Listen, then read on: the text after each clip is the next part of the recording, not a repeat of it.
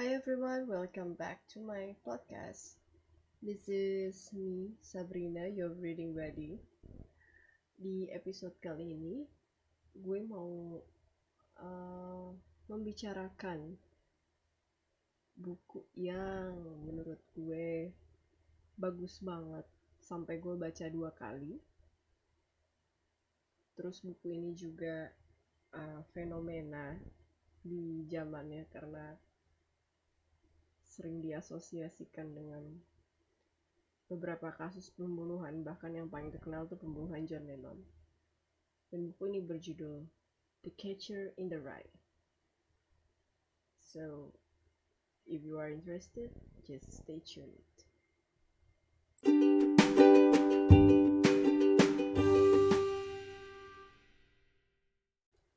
Jadi The Catcher in the Rye itu sendiri bercerita tentang Holden Caulfield. Holden ini adalah uh, main character di buku ini. Uh, dia adalah seorang teenager ya, seorang remaja. Ya umurnya kayak 18 tahunan gitu sih. Uh, berarti kan remaja yang masih di bangku SMA ya.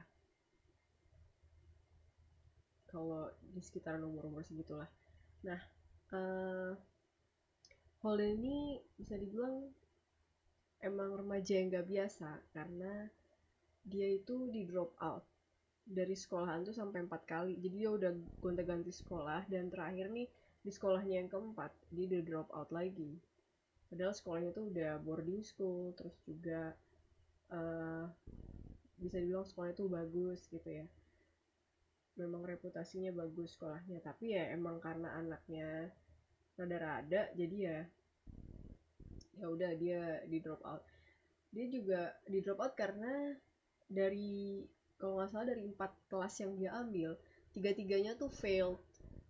Dia cuma apa cuma punya nilai bagus di kelas berbahasa Inggris kelas bahasa Inggris jadi kayak sisanya ya dia kayak sengaja males-malesan gitu buat apa buat menghadiri kelas dan mengikuti pelajaran makanya akhirnya dia di drop out dari sekolahnya. Nah buku ini tuh sebenarnya kayak apa ya kayak fragmen dari hidup Holden selama empat hari. Jadi dari hari Jumat sampai hari Selasa. Itu menceritakan gimana perjalanan Holden dari setelah dia di drop out dari sekolah dan balik ke rumah. Nah, uh, sebenarnya kalau dari segi perjalanan gitu ya, maksudnya bukan adventure yang adventurous gitulah yang kayak misalnya si Holden ketemu pembunuh atau apa enggak, karena emang uh, apa namanya plotnya tuh bukan thriller juga sih, jadi emang ceritanya tuh dia harusnya pulang ke rumah tuh hari Rabu. Cuman kayak dia udah mati gaya gitu kan di asrama.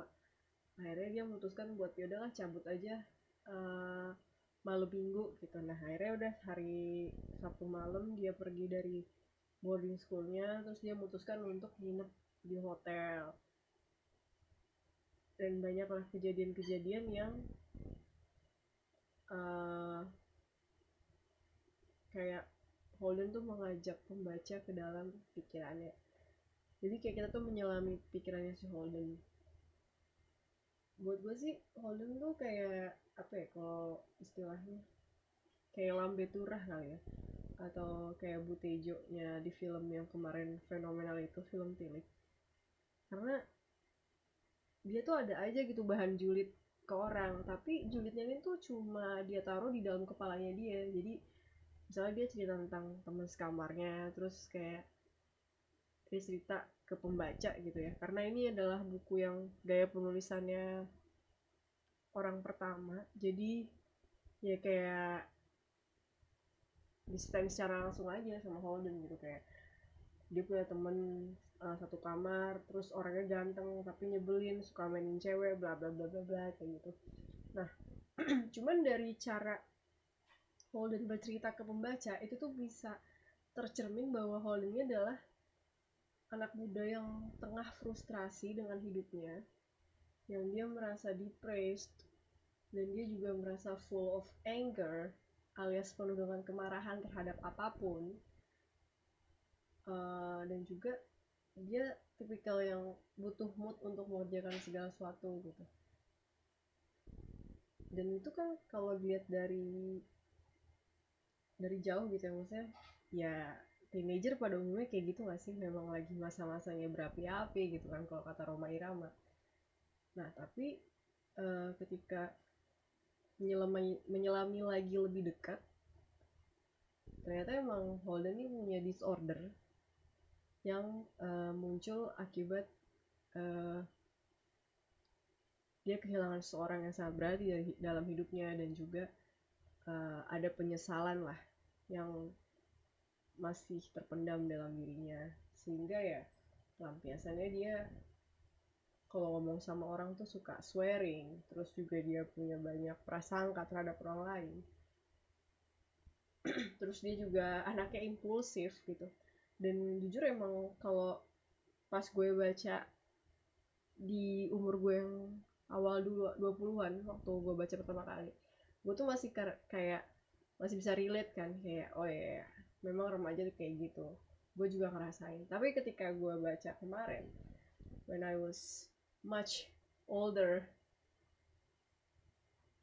gue kayak ngerasa kayak gue kalau ketemu Holden bakal bakal gue jitak sih anak ini gitu. Karena emang nyebelin banget. Dan pemikiran tuh ada-ada aja gitu. Nah tapi ya ternyata memang dibalik semua perilakunya dia yang nggak umum ya memang dia punya disorder yang timbul karena kejadian di masa lalu kayak gitu sih. Sebenarnya itu secara garis besar uh, bukunya. Nah yang menarik dari buku ini kenapa gue bisa sampai suka banget? Itu karena uh, gaya penulisannya sih. Gaya penulisannya tuh enak menurut gue ya. Kayak tipikal buku yang memang entertaining yang light reading buku ringan lah tapi ternyata meskipun rasanya ringan, tapi ketika ditelaah tuh terasa berat sehingga makanya buku ini dikonsider sebagai salah satu karya klasik dan bahkan kalau kata temen gue yang sastra Inggris ini tuh materi kuliah dia gitu. Makanya dia kayak tercengang materi kuliah dia dijadiin uh, apa? Dijadiin leisure buat gue gitu. Ya karena memang bukunya menyenangkan untuk dibaca menurut gue ya. Dan kalaupun ditelaah juga ya menarik gitu. Karena fenomena-fenomenanya mungkin ini kejadian di masa lampau tapi masih relate banget di zaman sekarang kayak gitu. Terus um, kayak di umurnya Holden yang di 18 tahun itu dia kayak menemukan banyak hal seperti ternyata dia dikelilingi oleh orang-orang yang oleh orang-orang yang menurut dia tuh dalam tanda kutip fake atau fonis gitu istilahnya. Terus juga uh, ketika dia mengagumi sosok yang lebih tua maksudnya yang bisa he look up to ternyata orang tersebut mengecewakan juga pada akhirnya. Dan uh, gue sih sebagai pembaca kayak berpikir ya memang uh, moral of the story-nya ya dalam hidup ini kayaknya kita kalau mengagumi seorang itu ya biasa-biasa aja kayak just don't expect more from people gitu gak sih? Karena in the end kalau berharap sama manusia pasti bakal kecewa juga gitu. Uh, terus gue juga melihat di fase hidupnya Holden di umur tersebut gitu selain dia mood swings dia juga uh, apa istilahnya membahas tentang sexuality juga di kalangan remaja pada saat itu gitu. Dan gimana dia mengekspresikan kekecewaannya ketika dia tahu bahwa perempuan yang akrab sama dia ternyata jadi bahan bahan santapan temen temennya dia kayak gitu sih. Terus uh, dan meskipun full of anger and frustration ternyata Holden juga masih punya sisi yang sweet lah sebagai teenager. Jadi memang di fase-fase remaja tuh tetap ada soft spotnya lah. Istilahnya itu kalau kalau apa namanya kalau kita mengasosiasikan dengan memproduksi barang ya remaja itu masih barang setengah jadi jadi belum kebentuk seluruhnya. Sehingga kalau soft spotnya kesentuh ya masih bisa di drive lah untuk nggak rebel-rebel amat kayak gitu. Hmm, itu sih yang gue dapetin dari buku ini. Dan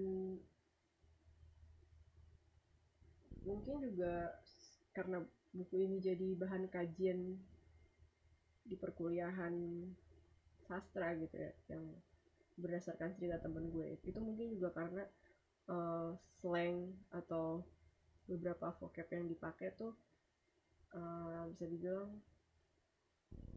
baru di masa itu sehingga dijadiin bahan studi gitu. Dan kalau memang lo penikmat bahasa ya cocok sih untuk membaca buku ini juga. Kayak banyak istilah-istilah baru ya yang contohnya kayak hmm, give her time.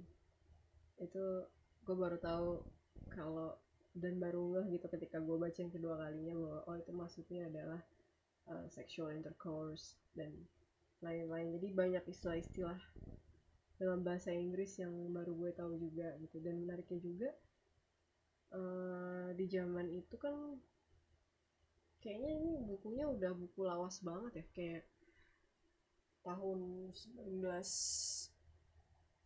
1950-an atau ya pokoknya setahu gue J.D. Salinger itu juga dia adalah uh, witness dari perang dunia kedua jadi memang udah lawas banget buku ini tapi uh, sumpah serapah yang dipakai buku ini tuh masih dipakai sampai zaman sekarang gitu kayak contohnya goddamn terus um,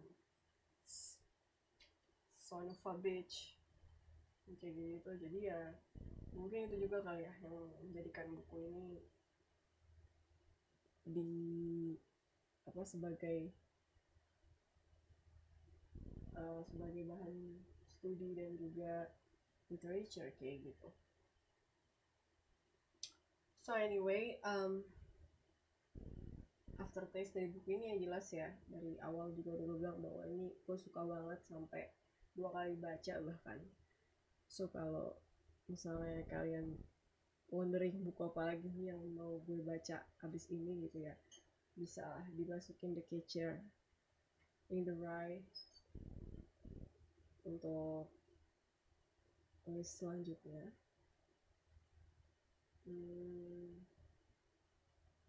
meskipun sebenarnya karya J.D. Salinger yang lain yang pernah gue baca tuh ada juga namanya Frank and Zombie judulnya.